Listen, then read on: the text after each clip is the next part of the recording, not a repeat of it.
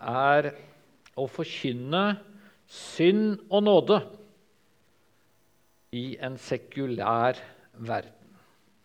Fordi overskriften både for det vi hadde i går kveld, og det vi skal ha i morgen, og også da denne kvelden, det er å være en frimodig kristen.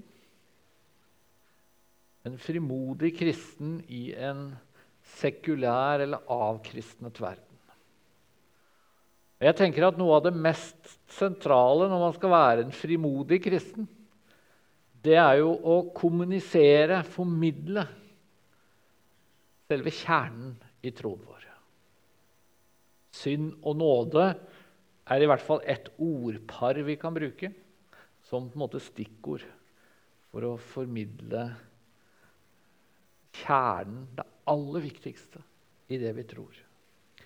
Og hvordan snakker vi om det i et avkristnet samfunn? Det er altså temaet. La oss be kort sammen. Kjære Herre, takk for løftet ditt.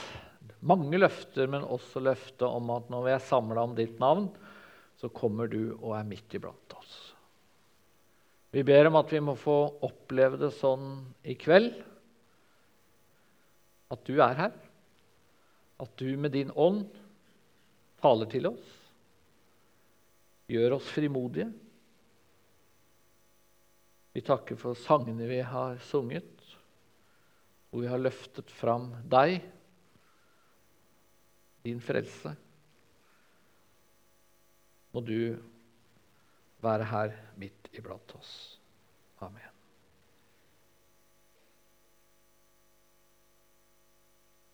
Hvordan forkynner vi, hvordan formidler vi synd og nåde i vår tid? Da er det faktisk viktig å snakke litt om hva er typisk for vår tid. Jeg har som sagt vært misjonær i Peru. Og det ligger litt i sakens natur at når du reiser ut som misjonær, da må du bli kjent med språket, kulturen, menneskene du jobber iblant. Prøv å finne ut hva er det de tror, hva er det de tenker. For da er det mye enklere å formidle det kristne budskapet. Og så er det kanskje litt lett å glemme at sånn er det også i Norge. Hvordan tenker dagens nordmenn om tro, om synd og nåde, om Gud? For det de tenker, fordommene de har, misforståelsene de kanskje bærer på, får betydning for hvordan du og jeg kan være frimodige kristne. Det er en som har sagt en gang at å forkynne, eller å formidle, det er som å sende brev til mennesker som hele tiden beveger seg. Som hele tiden forandrer adresse. Og det er jo ikke så lett og sånne brev til mennesker som hele tiden endrer adresse. Og Litt sånn er det faktisk å formidle det kristne budskapet også. Mennesker er plutselig et helt annet sted enn de kanskje var for noen tiår siden. Det betyr jo ikke at budskapet endres, det du og jeg tror på. Det har vært det samme budskapet fra Jesus kom. Men måten vi snakker om det på, kan bli noe annerledes fordi folk i dag tenker annerledes enn de gjorde for noen tiår siden om Gud, om etikk, om moral, om kristendom.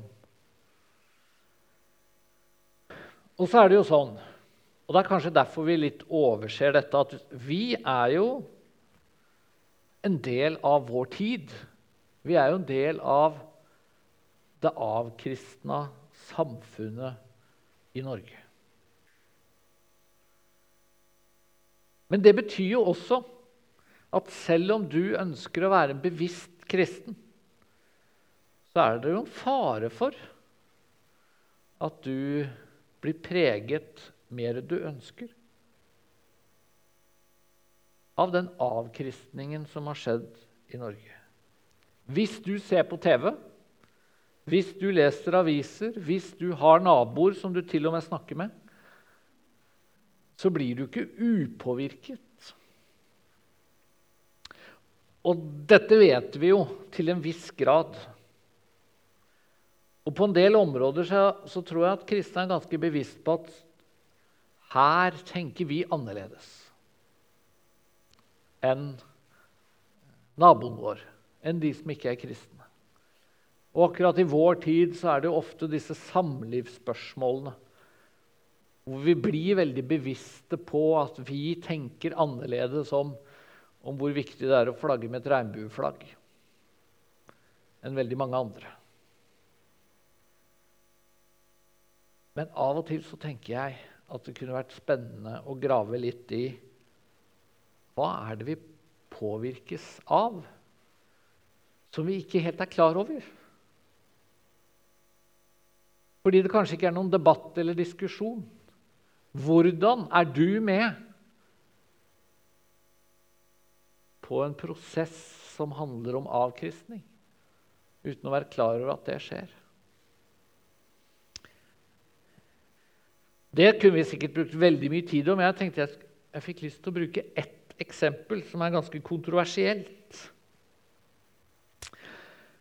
Og Nå skal jeg snakke om noe som du sikkert ikke har tenkt mye over. Men når det er bispevalg i Den norske kirke, når ny biskop skal velges, da er det ganske vanlig at Dagen og Vårt Land, særlig disse to avisene, men også av og til lokalaviser, de tar kontakt med de som er bispekandidater, og så spør de hvorfor bør du bli biskop, eller hvorfor tror du at du egner deg til å bli biskop.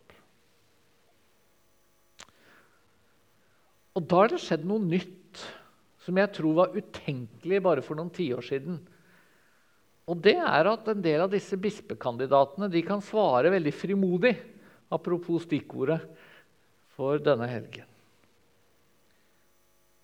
For et par år siden så la jeg merke til at en bispekandidat i Nidaros skal ikke si hvem det var, men han sa, eller han fikk spørsmålet hva gjør deg til en god bispekandidat og så svarte han jeg har mange års kontinuerlig prestetjeneste, bred erfaring fra særlig økumenisk og liturgisk arbeid og deltakelse i revisjon av de to siste salmebøkene. De siste fem årene har jeg vært domprost og dermed hatt en lederstilling og fått bruke ulike sider ved meg selv. Og Noen av de som blir spurt, de forteller at de er gode på å behandle folk at de er gode til å formidle evangeliet, at de er gode på å skape tilhørighet til Kirken osv. osv. Og så er altså min påstand at en bispekandidat kan snakke såpass frimodig om egne kvaliteter. Det er et resultat av tidsånden, av samfunnsutviklingen. Det skyldes rett og slett at ydmykhet og beskjedenhet er i mye mindre grad en dyd i dag i samfunnet generelt enn det var for noen tiår siden. Og så kan det hende at, at noe av det også er positivt. Jeg sier ikke at janteloven er en kristen holdning. Men jeg skal lese et bibelvers som, eh, som, er litt interessant i denne forbindelse, fra 1. Johannes 2, vers 16. Der står det sånn For alt som er i verden, kjødets lyst og øynenes lyst, og hovmodig skryt av det en er og har, er ikke av Faderen, men av verden. Så det var nok ingen tilfeldighet at en del kristne for noen tiår siden tenkte at vi må ikke snakke om høyt om at vi er flinke til noe, eller at vi til og med er flinkere enn andre til noe. For det står jo i Bibelen at hovmodig skryt av det en er og har, det kommer fra verden. Det er en avkristnet tankegang. Det er ikke sånn kristne skal gjøre.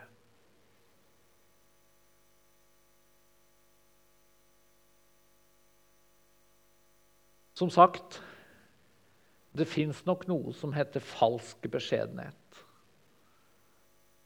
Og jeg tror det kan være situasjoner hvor det er naturlig å si at ja, det får jeg til. Det er jeg ganske flink til, eller det har jeg gjort før, eller noe sånt. Det fins nok flere grøfter å gå i her. Men jeg hadde lyst til å bare ta fram dette eksempelet for å vise at det er ingen selvfølge at kristne ikke påvirkes. Og den farlige påvirkningen det er jo den som skjer uten at vi er klar over det. Og da blir det så viktig at vi går til Bibelen. For å la den veiledningen vi finner der, gjennomsyre tankegangen vår. Så ikke det bare er noen områder hvor vi tenker kristent. Og på andre områder så tenker vi som resten av verden.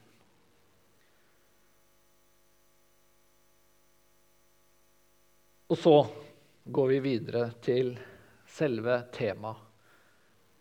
Hvordan blir samfunnet vårt avkristnet? Hvordan tenker folk i dag om synd og nåde om behovet for frelse, om Gud. Og Det er sikkert lett å tenke at hovedproblemet det er at færre mennesker tror på Gud. For noen er det avkristning. Færre mennesker tror på Gud. Derfor blir Norge avkristnet. Og det er jo helt klart en del av bildet. Og det er viktig å snakke om hvordan snakker vi med mennesker som er ateister eller skeptikere. Og det vet man mye om, tror jeg, i akkurat denne forsamlingen. Apologitikk. Hvilke svar har vi å gi til mennesker som mener at det ikke er noen grunn til å tro på Gud? Det, det vet jeg er et tema som, som, det er mange som kan noe om her og i Gimlekollen-miljøet. Men Kanskje er det et enda større problem at mennesker som sier at de tror på Gud, eller i hvert fall er åpne for troen på Gud De tror ikke på en bibelsk Gud.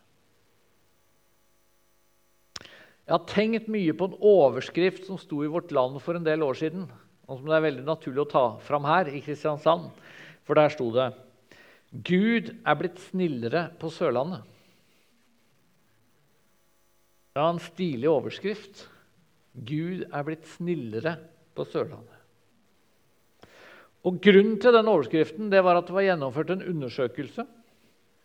Eh, noen på Universitetet i Agder her, som hadde da prøvd å finne ut hva tenker den jevne sørlending om Gud. Hva slags bilde har man av Gud? Og da ble det altså en tydelig tendens at på noen tiår så hadde folk et mye mer snilt bilde av Gud. Hvordan møter vi det? Vi skal snakke om synd og nåde og frelse. Det har alltid stått i Bibelen at Gud er god. Gud er kjærlighet, står det. Rett ut sånn. Så det er ikke akkurat noe sørlendinger har funnet ut sånn helt i det siste, at det er sånn. Men hvis man leser litt sånn gammel oppbyggelseslitteratur, klassisk kristenlitteratur, så ser man at mange har tenkt at det er ikke sikkert det hjelper meg at Gud er god, når jeg ikke er det. Og den måten å tenke på tror jeg i stor grad er borte i vårt sekulariserte samfunn. Isteden er tanken blitt at Gud er snill. Og Det betyr at Gud er fornøyd med meg. Hvis han fins, så er han fornøyd med meg. Og Derfor er kristen forkynnelse Den skal oppmuntre, den skal gi et løft, den skal gi trygghet. Og da må man ikke snakke så mye om synd eller skyld. Og man må for all del ikke snakke på en sånn måte om Gud og tro at mennesker får en følelse av skam. Snakker man om, om synd, ja, så fordømmer man. Og det er ikke kristelig. Omtrent sånn tror jeg ganske mange tenker. Og kanskje har du allerede møtt mennesker som har en litt sånn tankegang. Og da tror jeg du har opplevd at da er det ikke lett å snakke om behovet for nåde, behovet for frelse, om tilgivelse. Så kan vi jo si at ja, men mennesker i dagens Norge de, de vil jo innrømme at de er syndere, vil de ikke det? Eller i hvert fall vil de si at de ikke strekker til. Vi lever jo i et samfunn hvor det er mange krav. Og det snakkes ofte om at ikke minst unge jenter i dagens Norge føler at de kommer til kort. For det er så mye de skal få til. Når det gjelder skole og venninner og image i sosiale medier og kropp og utseende og alt dette.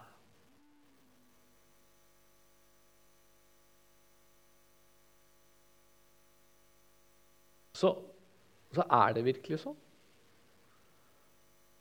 At mennesker eh, egentlig tenker at Gud er blitt snillere.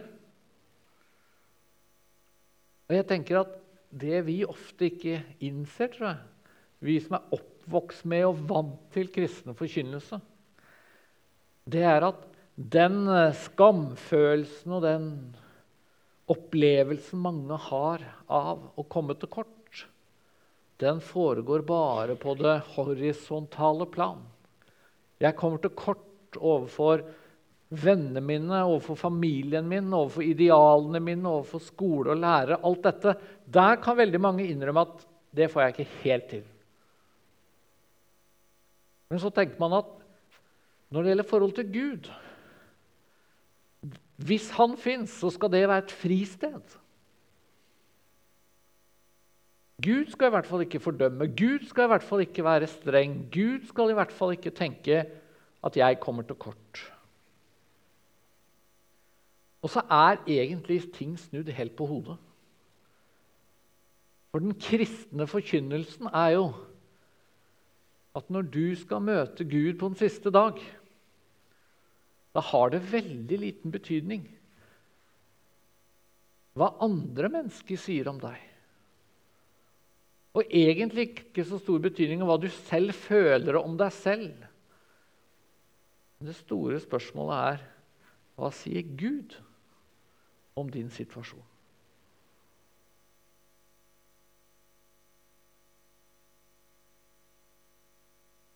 Og situasjonen er den at hvis du ikke møter Gud som et tilgitt menneske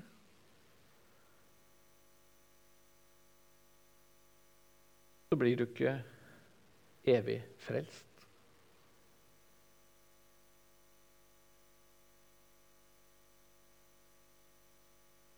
I møte med denne ideen, som jeg tror mange har om at Gud han er først og fremst snill, så er det noen som sier at, eller noen som tenker at løsningen for de som vil være bibelske, det er å løfte fram Guds hellighet.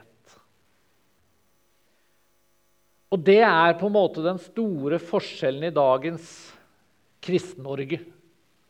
Alle er enige om at Gud er god, men det er bare de som kanskje kalles konservative. eller noe sånt. Det er bare de som er opptatt av Guds hellighet, så da må vi snakke om Guds hellighet. Og det er nok noe sant i det. Men problemet er at det fort hører kan fremstå som at vi presenterer en Gud som er en slags vandrende selvmotsigelse. Som at Gud på den ene siden er han kjærlig, og på den helt andre siden er han hellig. Og så må vi på en måte hele tiden jobbe for å få en balanse i forkynnelsen mellom Gud som kjærlig og Gud som hellig. Og så klarer vi ikke å få skapt et helhetlig bilde av Gud. Og Poenget er at det er faktisk ikke nødvendig å snakke om Guds hellighet for å få fram at synd er et problem i møte med Gud. Det er faktisk en konsekvens av Guds godhet at synd lager et problem. Og For å ta et litt banalt eksempel Når jeg hadde en gutt på åtte år, og han kom hjem fra skolen og var lei seg for han var blitt erta, tulla med, plaga Var det fordi jeg er en hellig far at jeg da ble sint på de som plaga ham? Nei. Eller i hvert fall ikke først og fremst derfor. Det er fordi jeg er glad i han. At jeg ble sint på plageåndene, på mobberne, på de som erta. Guds motstand mot synd, mot svik, mot mobbing, mot egoisme Den motstanden skyldes hans godhet. Gud vil verne om det gode. Og derfor har vi et problem på den siste dag. Selv om Gud er god. Ja, faktisk fordi Gud er god.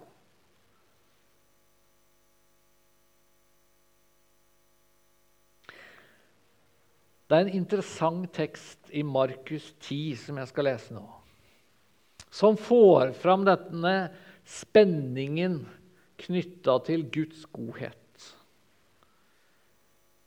En av de mest kjente fortellingene om hvordan Jesus er snill, ville man kanskje sagt som sørlending. De små barna som han tar på fanget. Nå skal vi lese. Markus 10, fra vers 13 til 16. Og de bar små barn til ham for at han skulle røre ved dem. Men disiplene truet dem som bar dem. Men da Jesus så det, ble han harm og sa til dem.: La de små barn komme til meg, hindre dem ikke, for Guds rike hører slike til.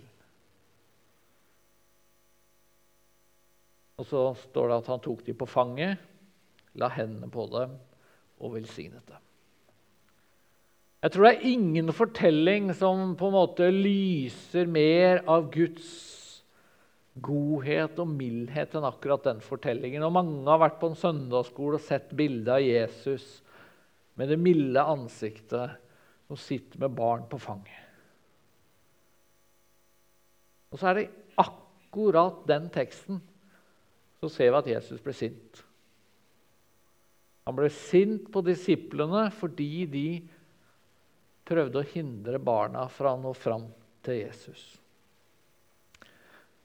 Så i samme tekst så møter vi altså den gode Jesus og den sinte Jesus. Og så ser vi at det henger sammen. Det er fordi Jesus vil ha disse barna på fanget, at han blir sint på de som prøver å hindre det. Gud er hellig, Gud er kjærlig. Og han er til og med hellig i sin kjærlighet og kjærlig i sin hellighet.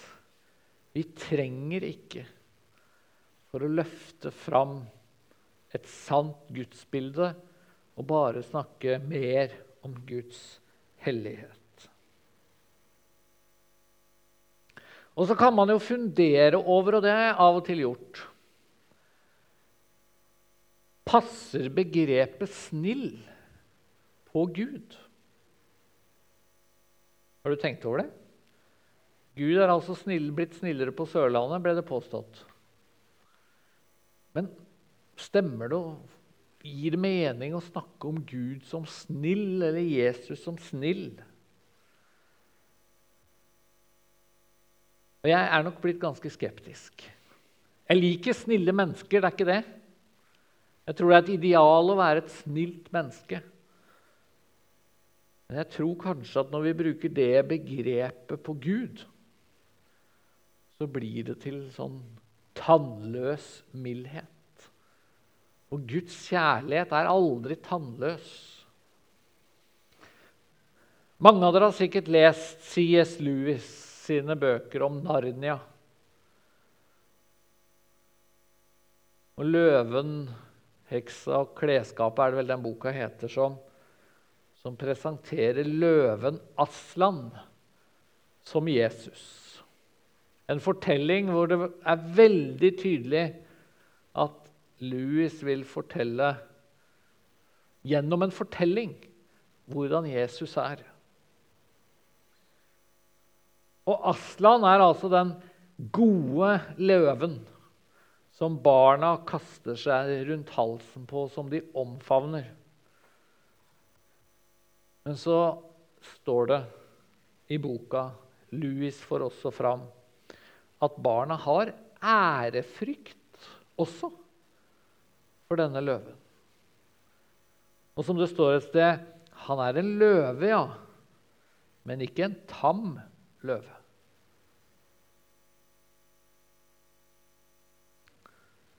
Det tror jeg er en god måte å snakke om Jesus på. Ja, han tok barna på fanget. Men han refset samtidig disiplene og ble sint på dem.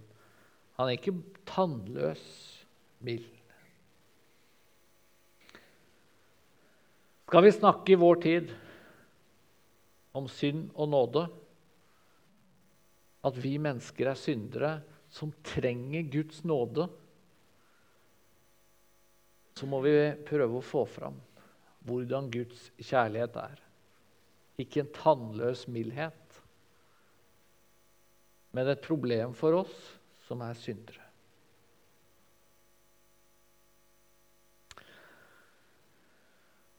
Jeg har snakket noen ganger nå om at Gud er kjærlighet. Og så har jeg lyst til å lage et skille til som jeg vet ikke om du har tenkt over. Men har du tenkt over forskjellen på det at Gud er kjærlig, og det at Gud er nådig? Jeg tror at veldig ofte så ser vi litt på det som samme sak. Gud er kjærlig, og Gud er barmhjertig, og Gud er nådig. Og, og så setter vi på en måte alt på samme linje. Men jeg tror det kan være en veldig god idé å skille. Jeg mener til og med at det er bibelsk å skille mellom Guds kjærlighet og Guds nåde. Og med det mener jeg at Guds kjærlighet gjelder alle mennesker. Alltid, uansett. Gud elsker alle. Og som det står i Matteus 5,45.: Gud lar sin sol gå opp over onde og gode og lar det regne over rettferdige og urettferdige. En tekst om Guds godhet den gjelder alle mennesker. Uansett hvordan vi lever, uansett hva vi tror, uansett hva slags seksualitet vi har Gud elsker alle mennesker. Men Guds nåde gjelder ikke alle mennesker. Gud vil gi nåde til alle mennesker, og Gud vil tilgi alle mennesker. Men det betyr ikke at alle mennesker får Guds nåde eller lever under Guds nåde. Som det står i Johannes 3, 36 veldig sånn tydelig. Den som tror på Sønnen, har evig liv. Den som ikke vil tro på Sønnen, skal ikke se livet, men Guds vrede blir over ham. Guds kjærlighet er altså noe vi egentlig ikke trenger å ta imot. Gud elsker oss uansett. Og Det er nok viktig å få sagt i en del sammenhenger hvor mennesker tror at det eneste vi har på hjertet i møte med et menneske, det er at du er en synder. Vi kan godt understreke enda sterkere at Gud elsker alle, uansett. Men nåden, den må tas imot. Og Blander vi sammen Guds nåde og Guds kjærlighet, så går det galt. Enten så sier vi at alle er frelst uansett, for Gud er jo god. Og Det er jo det som mer og mer ligger i den norske folketroen. Det er at hvis Gud fins, så går det nok greit for meg, for Gud er jo snill.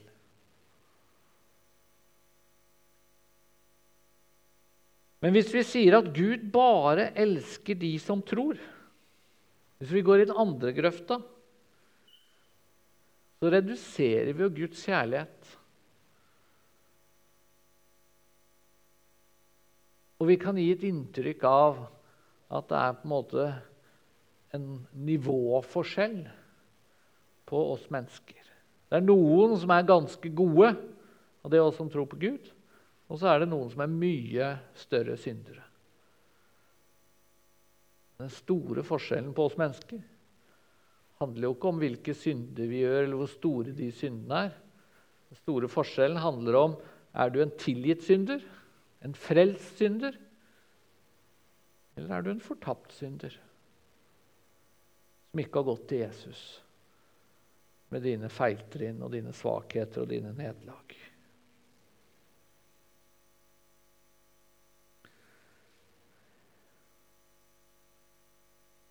Og så har jeg lyst til å si noe til slutt om hvordan vi skal snakke om synd. Det er jo et stort spørsmål. Det provoserer mange, tror jeg. Det å snakke om at alle mennesker er syndere eller syndige. Og kanskje er det vår skyld også. At vi ikke klarer å forklare godt nok til dagens avkristnede nordmenn hva er det vi egentlig mener. For et par dager siden jeg fortalte også i går, så ble jeg intervjuet av og hadde en samtale med Morten Hegseth. Som noen av dere sikkert vet hvem er. Jobber i VGTV. En mann som åpenbart eh, kunne veldig lite om kristendom. Og så snakket vi om akkurat dette. At jeg tror, sa jeg til han, at jeg er en synder og at jeg til og med synder i tanker, ord og gjerninger hver eneste dag. Han er homofil, jeg er heterofil. Og det gjorde det litt viktig også å si til, si til, han fra min side at jeg tror også at jeg er en seksuell synder, selv om jeg er heterofil. Jeg tror alle mennesker bærer med seg en seksualitet som i syndens verden, hvor vi alle lever, så har vi noen fristelser og noen utfordringer alle sammen. Dette sa jeg til han. Og så svarte han, 'Hvordan kan du orke å gå rundt og tenke det?' Er det ikke forferdelig deprimerende? Og jeg har møtt mange som sier noe lignende. Og en del som sier at det jeg trenger i mitt liv, det er jo et bedre selvbilde. Sterkere selvtillit. Og det en kirke, et vedehus, gir meg, er jo det stikk motsatte.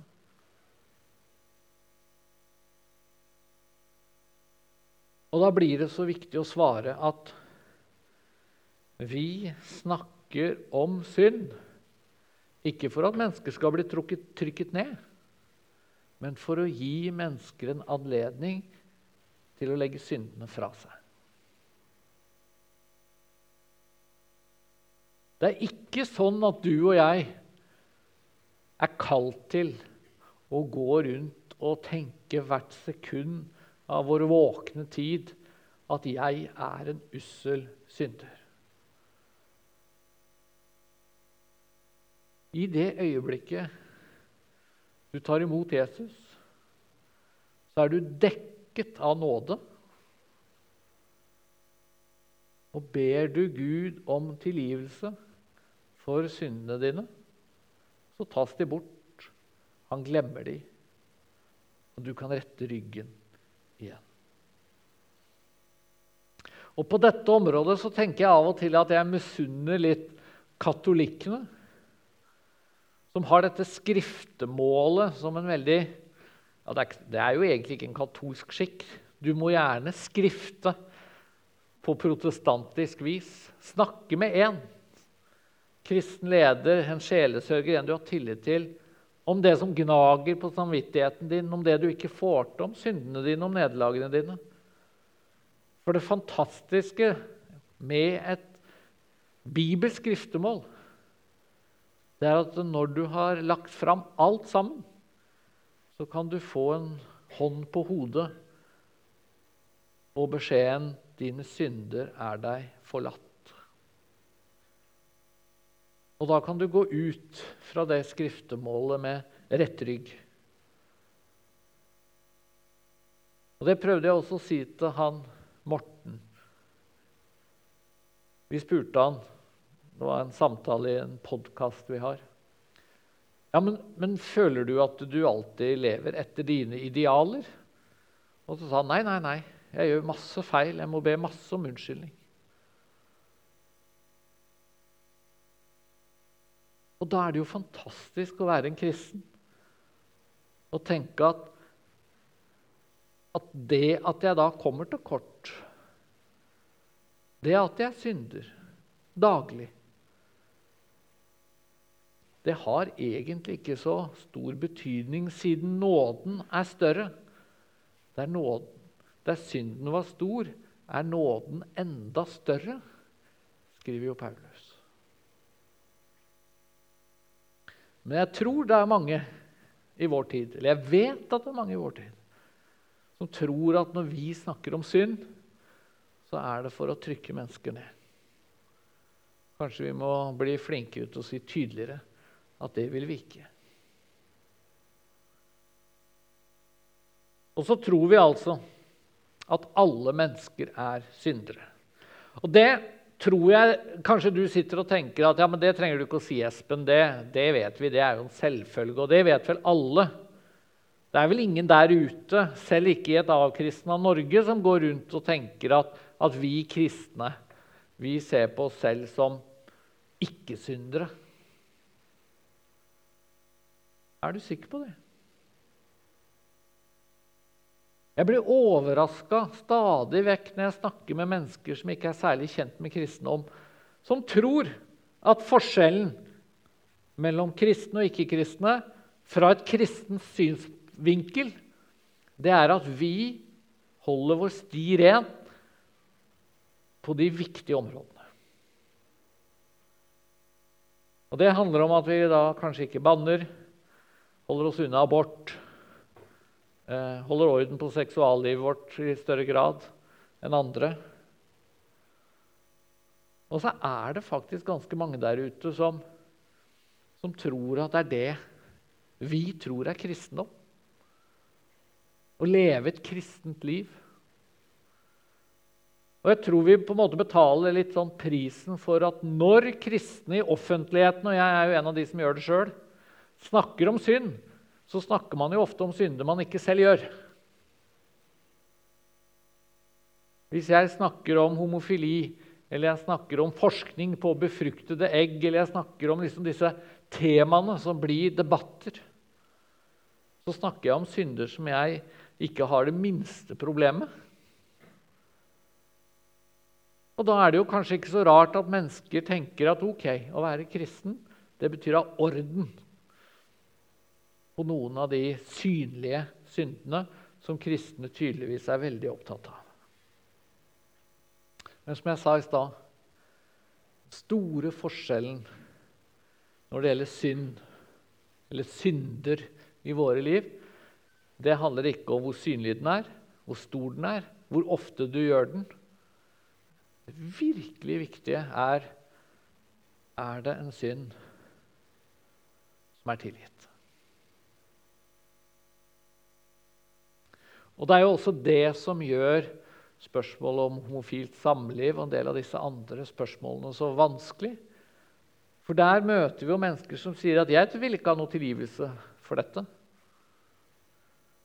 Jeg mener det. Er helt greit å leve som jeg gjør. Men hvis det da er galt, og det sier jo Bibelen at det er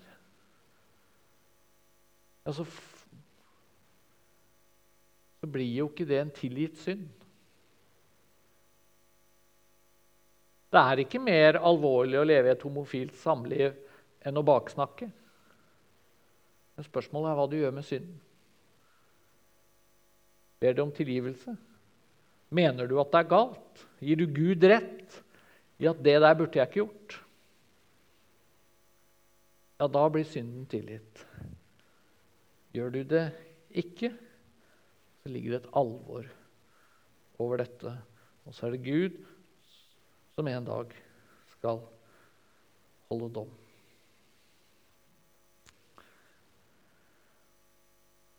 Hvordan snakker vi om synd og nåde? Jeg skal gå inn for landing med et eksempel som tar ca. et minutt. Avslutte med det. For Jeg har lyst til å gi deg et bilde som jeg ofte har, som en dansk forkynner som heter Leif Andersen, fortalte en gang, og som jeg aldri kommer til å glemme. Han sa at når kristne snakker om det å være kristne, om det å høre Jesus til, så virker det ofte som om kristne står på en slags scene, og nå gjør jo jeg det. Og så legger man på en måte omtrent armen rundt Jesus og så sier man på en måte til resten av verden Kom opp til oss. Bli en kristen, du også. Bli med i gjengen. Jeg og Jesus, vi venter på deg. Og så sier Leif Andersen at tenker vi sånn, kommuniserer vi sånn, så snakker vi egentlig feil. Og så ga han som bilde at det vi heller bør gjøre, det er å på en måte gå ned fra scenen Gå bort til det mennesket du vil snakke med Jesus om. Legge armen din rundt hans skulder, hennes skulder, og så peke opp på Jesus og si Vi to som er her nede, vi trenger en som kan redde oss begge. Skal vi gå sammen fram til han? Det handler om eh, hva slags mentalitet vi møter andre mennesker med. Tenker vi at jeg og Jesus vi er ganske like, og du må komme opp til oss? Eller signaliserer vi at, at Jesus er unik? Vi er som vår ikke-kristne kollega, nabo, onkel. Vi er tross alt i samme båt, men vi må gå til Han som kan redde oss begge. Amen.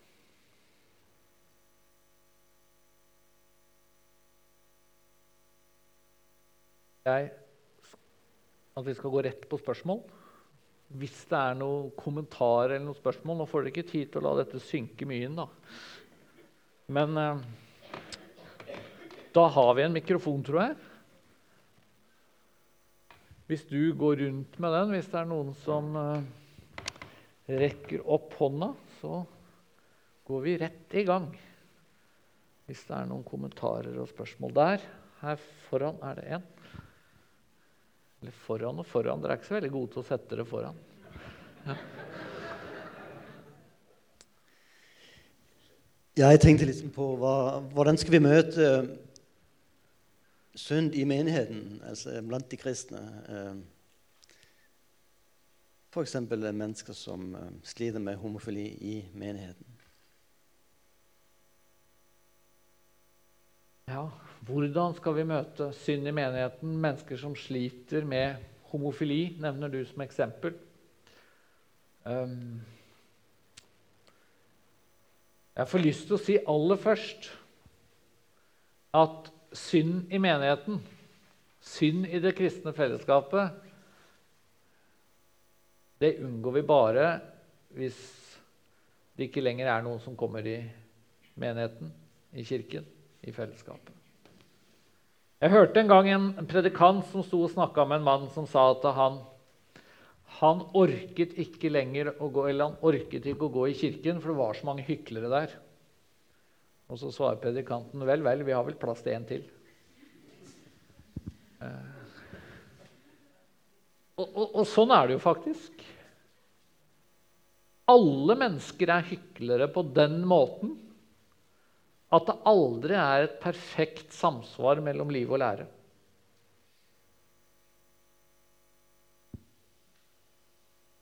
Og så blir, Men det store spørsmålet som jeg tror du stiller, er jo ja, men hvordan forholder vi oss til mennesker som ikke virker kanskje da, til å ville angre, bekjenne, innrømme sine synder?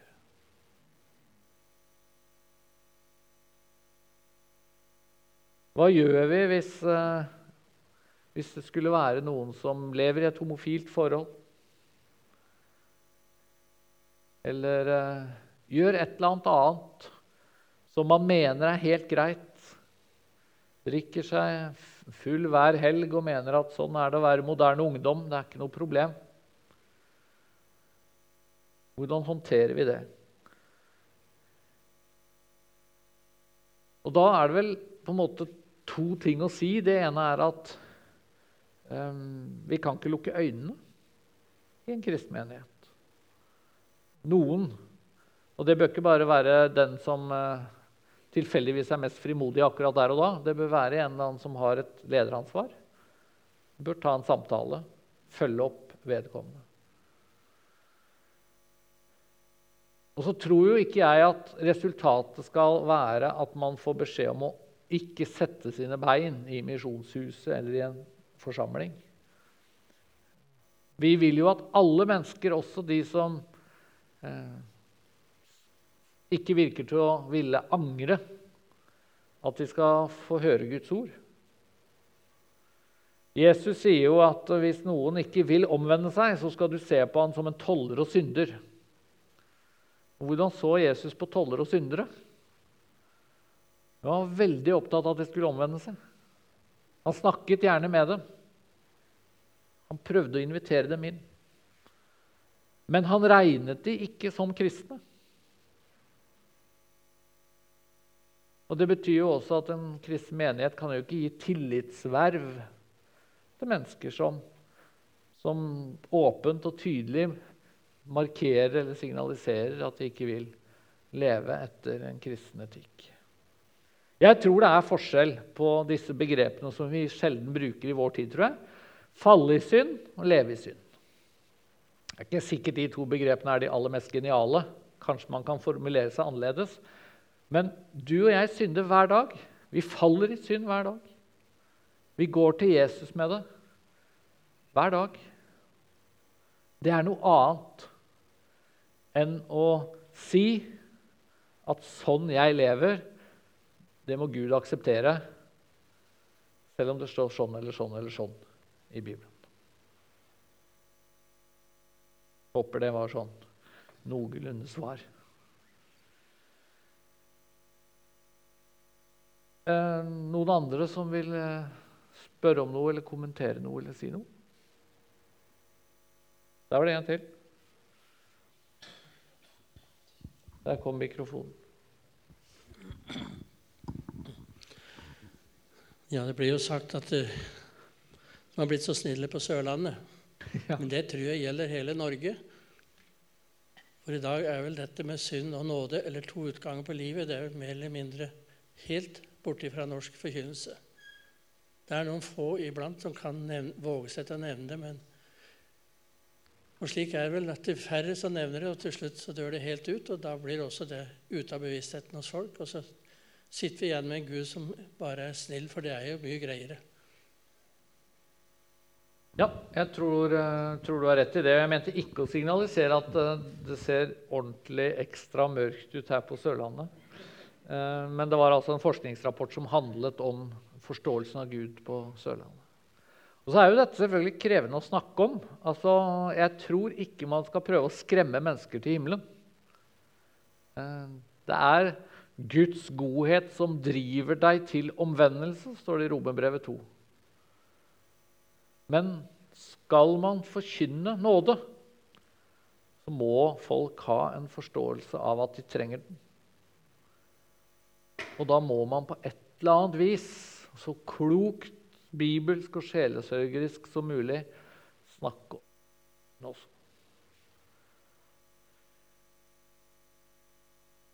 Et spørsmål til? Kommentar til? Jeg ser ingen. Der var det Ingar. Nei, takk igjen, Espen, for en veldig fin bibeltime.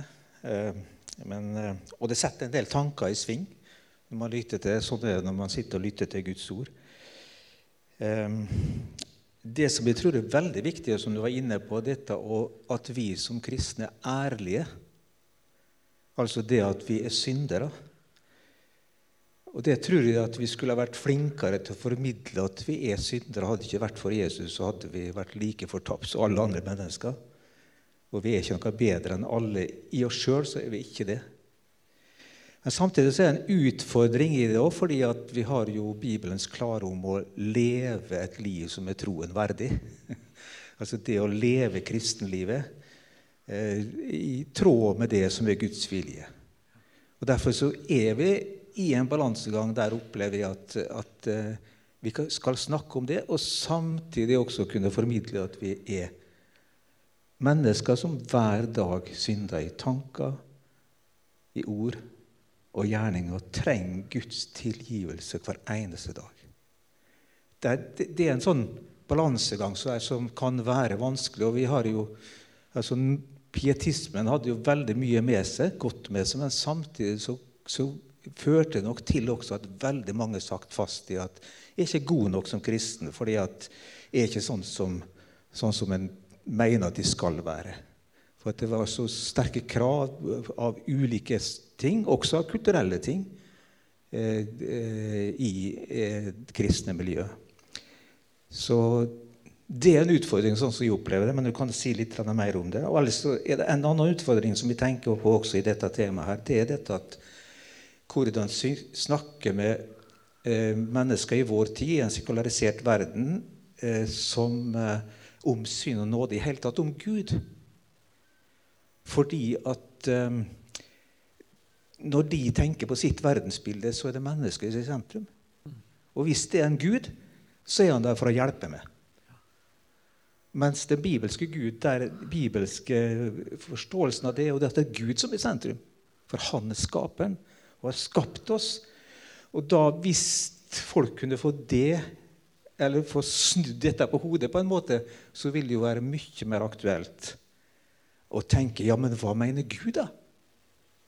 Om meg istedenfor hva mener jeg om Gud? Ja, et par sånne, Det er ikke sikkert du trenger å svare på, men du kan da kommentere. Takk for gode refleksjoner. Jeg har i hvert fall lyst til å gi bare én liten kommentar, for du illustrerte noe som jeg kanskje ikke fikk så godt fram. For det hender jo at jeg har møtt kristne som sier omtrent som så at uh, vi kristne vi er ikke bedre, vi er bare tilgitt.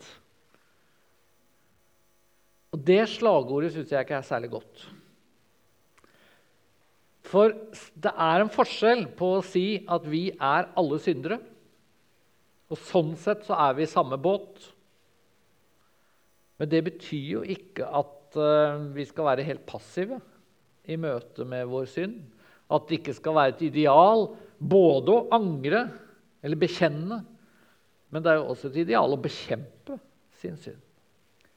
Og det fins jo mennesker som, som sier at uh, de har møtt kristne som, som, lever på et annet nivå, som de ble imponert over, som, som opplevde at det, det, betydde, det, betydde, en endring å se kristne som skilte seg ut.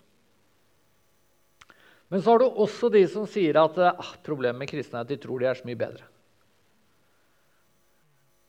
Og Hvis mennesker går rundt og sier kristne de tror de er så mye bedre, underforstått, men det er de ikke, så blir det jo viktig å møte disse menneskene med ydmykhet og si nei, det er riktig at vi i hvert fall kommer til kort, vi òg. Vi er syndere til den siste dag. Og Det er den balansen som jeg tror du er inne på. La oss tenke at vi skal bekjenne våre synder, innrømme og være litt åpne og ærlige på at det er ting vi ikke får til, vi også. Men vi er kalt til å bekjempe syndene våre òg. Vi er ikke kalt til å bare si ja, ja, vi er alle syndere. Som om det ikke spiller noen rolle. Det spiller jo noen rolle. For syndene våre krenker Gud, krenker mennesker. Gjør verden til et dårligere sted. Og Derfor er det viktig at vi gjør noe med det.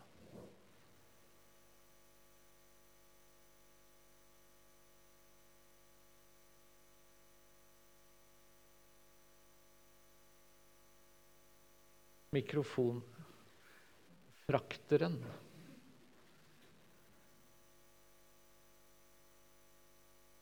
Hei. Ja, Espen har kommet inn flere ganger på dette med homofili. Og eh, det er ofte slik jeg har iallfall en følelse av at så snart vi snakker om en som, har, som er homofil, så er han en stor synder som lever i åpenbar synd. Men slik er det jo ikke. Det er mange homofile som lever eh, ikke lever, lever i en spesiell stor synd. Så i media og sånn, så blir det ofte fremstilt han er homofil, og dermed så, okay, så lever han eh, et eh, et ubibelsk, et syndig seksualliv. Jeg syns det er veldig viktig å få fram, og det har du vært inne på, at eh, ingen blir dømt for hva han er. Gud dømmer oss etter hva vi gjør. Og, og enten du er homofil eller heterofil, så er det livet du lever, det er det som er det avgjørende. Det er ikke du, hvilke legning du har. Tror, du har vært inne på det, og jeg tror det er en veldig viktig eh, punkt. For veldig ofte når vi kommer inn på det homofili Ok, han, han lever på en spesiell eh, utskeielse når det gjelder synd, eh, seksualliv osv. Men, men det er ikke alltid slik. Nei, og, og, Noe av den, den, store utfordringen i vår tid er jo at når mennesker sier ja, han er homofil, så tenker jeg som kristen at uh, det er jo egentlig ganske uinteressant. Spørsmålet er jo lever han i et homofilt forhold eller ikke. Det det, det er jo det som er av interesse for eh, en kristen menighet og en kristen vurdering. Og selv så kjenner jeg eh, sikkert 15-20 personer som er homofile. Eller kanskje de vil si at de har homofile følelser, eller i hvert fall opplever seg tiltrukket av samme kjønn, som lever som single, som er opptatt av at det er galt å gå inn i et homofilt forhold og som jeg tenker er fantastiske forbilder. Fordi de tar konsekvensen av troen sin og er, villige til å leve et liv som får veldig mange til å riste på hodet. Um, og det er så viktig at de ikke opplever at de er annenrangs mennesker, annenrangs kristne. Takk for påminnelsen.